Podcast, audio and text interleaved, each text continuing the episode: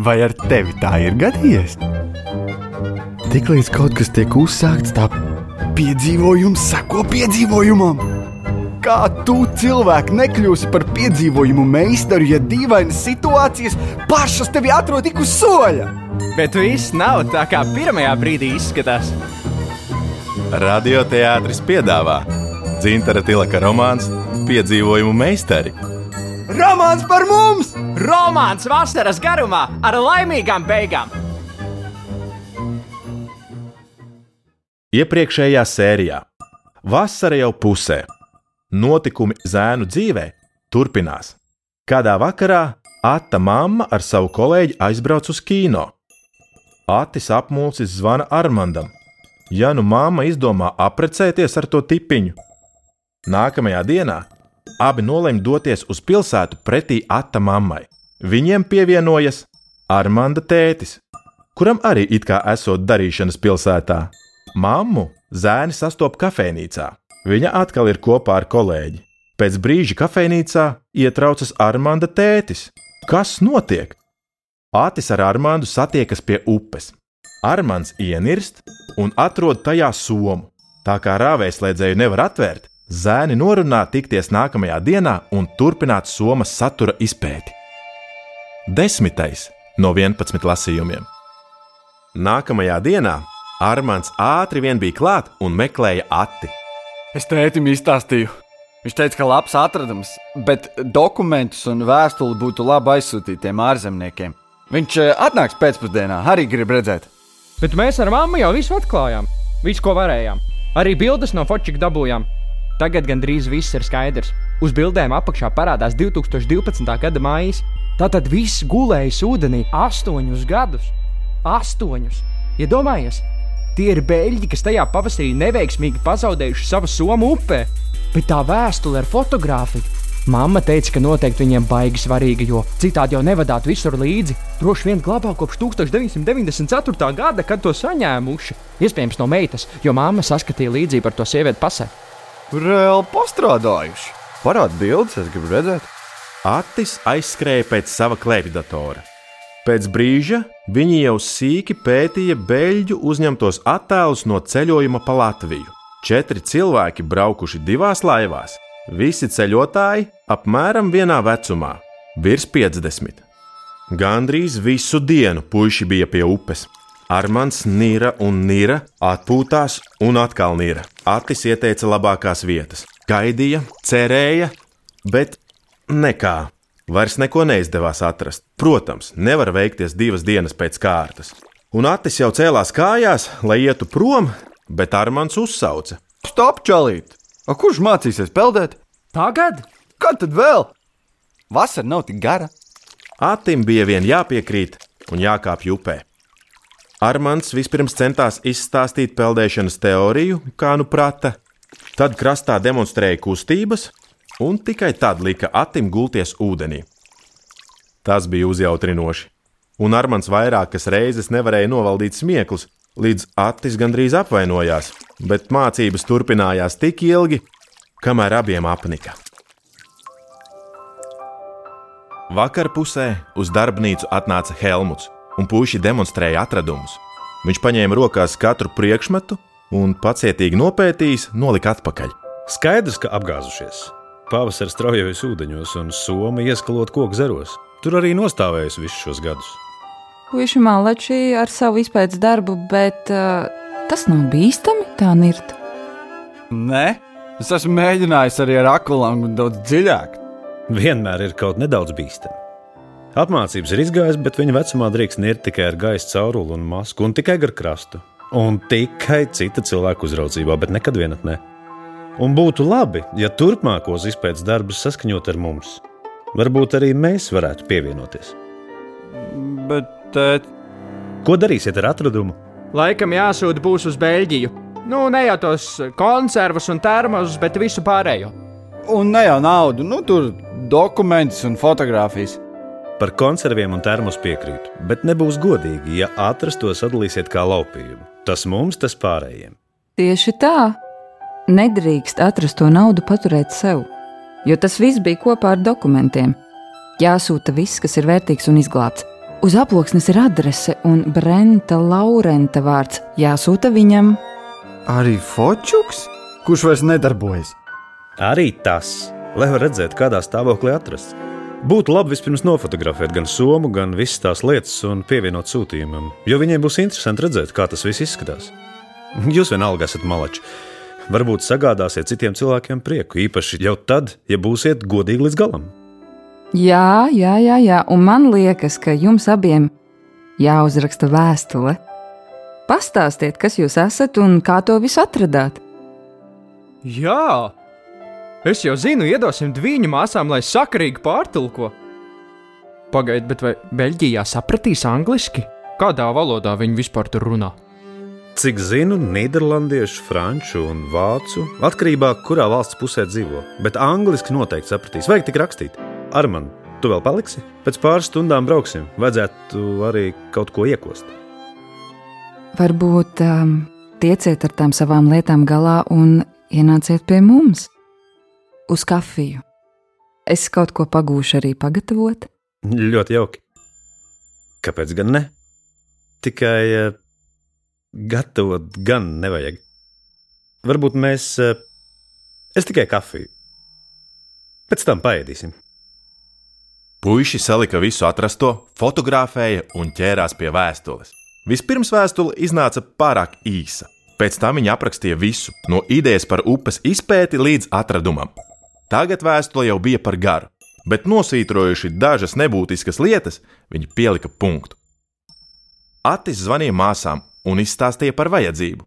Māsas acu mirklī bija klāta, lai visu redzētu savām acīm. Sekoja stāsts par atradumu un turpmāko rīcības plānu. Pēc divām dienām uz Beļģiju aizceļoja sūtījums, kuram klāt bija pievienota vēstule. Godājamajiem Brentam un Elienai Laurentiem. Šo vēstuli jums raksta divi zēni no Latvijas, Armāns un Attis. Mums ir 13 gadi, un mēs vasarā bieži esam pie Svētes upes. Šovasar nolēmām nedaudz papētīt upes dibenu ar niršanu, jo Armāns prot ļoti labi nirt. Starp citiem atradumiem mums gadījās atrast jūsu somu, kuru pazaudējāt, laivojot pa svēti. Mēs izpētījām atrasto un pievienotajās fotografijās tas ir redzams. Arī fotoaparāta atmiņas karte ir saglabājusi jūsu uzņemtos kadrus Latvijā. Tā kā starp lietām ir jūsu dokumenti, nauda un kāda vēstule ar fotografiju, nospiedām, ka tas varētu būt jums svarīgi un nolēmām nosūtīt. Mēs to varējām izdarīt, jo uz aploksnes bija adrese. Ceram, ka adrese ir pareizā un jūs šo sūtījumu saņemsiet. Ar cieņu, Armāns un Atis. Pabeidzis gatavot ādas siksnu ar kniedēm, Atis to ievēra džinsa biksēs un nopētīja sevi pie spoguļa. Aizgājis līdz dzirnavām, viņš tur satika Armandu, kurš pie ārdurvīm izsaiņoja flīžu pakas un sakrāvis flīzes kaudzē, nesa iekšā. Atis pat nejautājot pievienojās. Kad flīzes bija sanestas, abi izgāja pagalmā, tikai tagad Armāns pamanīja jauno siksnu. Tu to pats? Tiešām! Konkrētais meistars, es arī tādu gribētu. Izskatās reāli labi. Nu, var jau uztaisīt, tikai materiāli iet uz beigām. Tobrīd no dzirnavām nāca ārā Helmuts un ievēroja Āti lielamies. Izskatās labi. Kur tu iemācījies? No mammas viņa agrāk gāja ādas apstrādes studijā. Šo to jau es arī varu uztaisīt. Klausies, man te interjerists sagatavoja dizaina projektu pirmajam stāvam. Visas detaļas, akcenti, visi sīkumi no koka, keramikas un ādas. Vai tu, piemēram, varētu izgatavot ādas vākus un kaut ko citu? Nu, apvilkt ar ādu mazus priekšmetus. Nezinu, var mēģināt. No agrāk esmu taisījis. Ādas gan gandrīz nemaz vairs nav, visa izlietota. Ādu dabūsim. Uztais kādu paraugu, un varbūt man nevajadzēs pasūtīt kaut kur citur. Turklāt pieņemu, ka naudas ziņā gan tev, gan man būs izdevīgāk. Ko saki? O, tas tik būtu pasūtījums. Jāparunā ar māmu, viņa varētu palīdzēt. Aprunājies, padomā un dod ziņu. Pēc pāris mēnešiem vajadzētu vērt vaļā pirmo stāvu. No, būs amatnieks. Tu taču to gribēji. Attis atgriezās mājās un pat taisno devās uz darbnīcu. Iegājis paņēma kasti ar atlikušajiem ādas gabaliņiem, izbēra uz galda un lietišķi novērtēja, ko varētu izgatavot un parādīt. Tad atcerējās, ka dzīvoklī ir vairākas jau gatavas lietas. Paņēmis no kabatas telefonu, viņš ieraudzīja, ka zvanītāja ir mamma. Ati, man te gadījās uh, mazas nepatikšanas, tu tikai neuztraucies.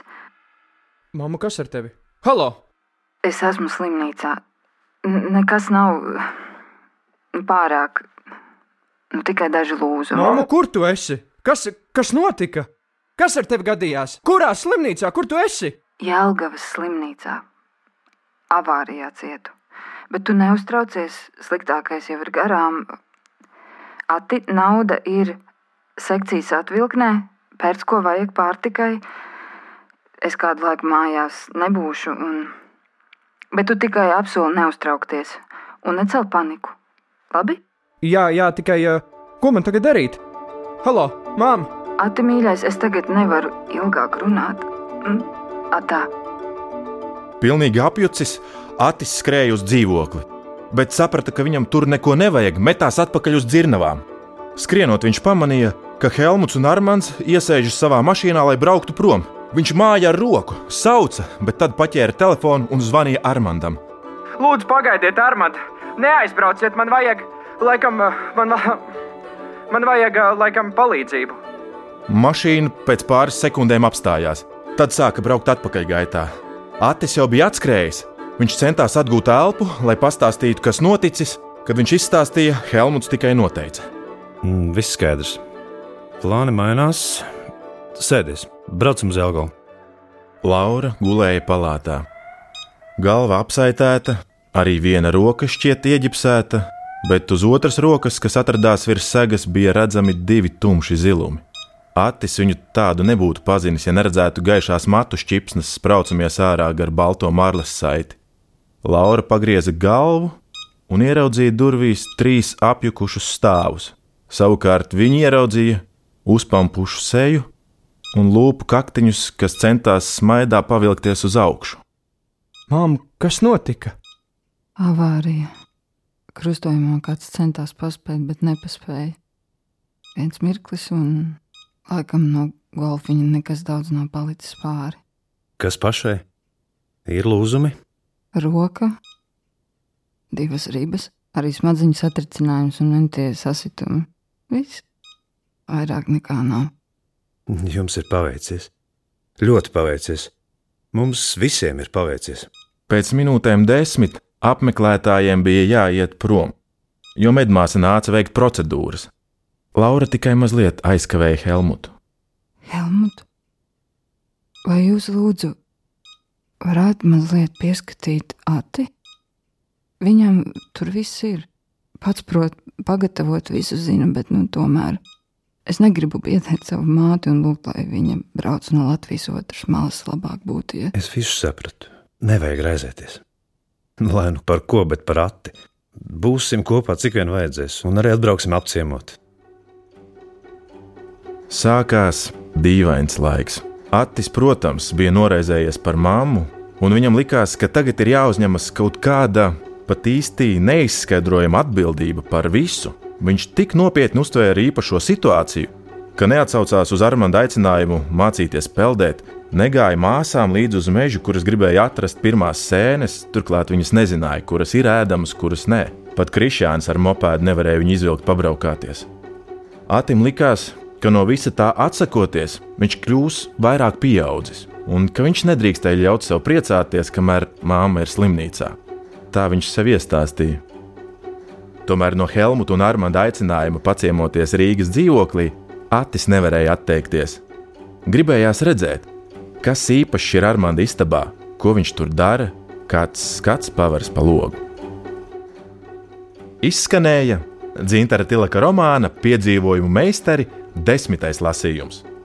Lomas ierunāja Atis, Agris Krapivņitskis, Armāns, Toms Veličko, Armanda tētis, Girts Alsters, Atta mamma, Inga Tropa. Piedzīvojumiem līdzi sekoja režisors Juris Jonelis, skaņu režisors Ivo Tauriņš un es Mārtiņš Počs. Radio lasījumu veidoja Laima Matuzāle, producente Māra Eglīte. Latvijas radioteātris 2020. gads.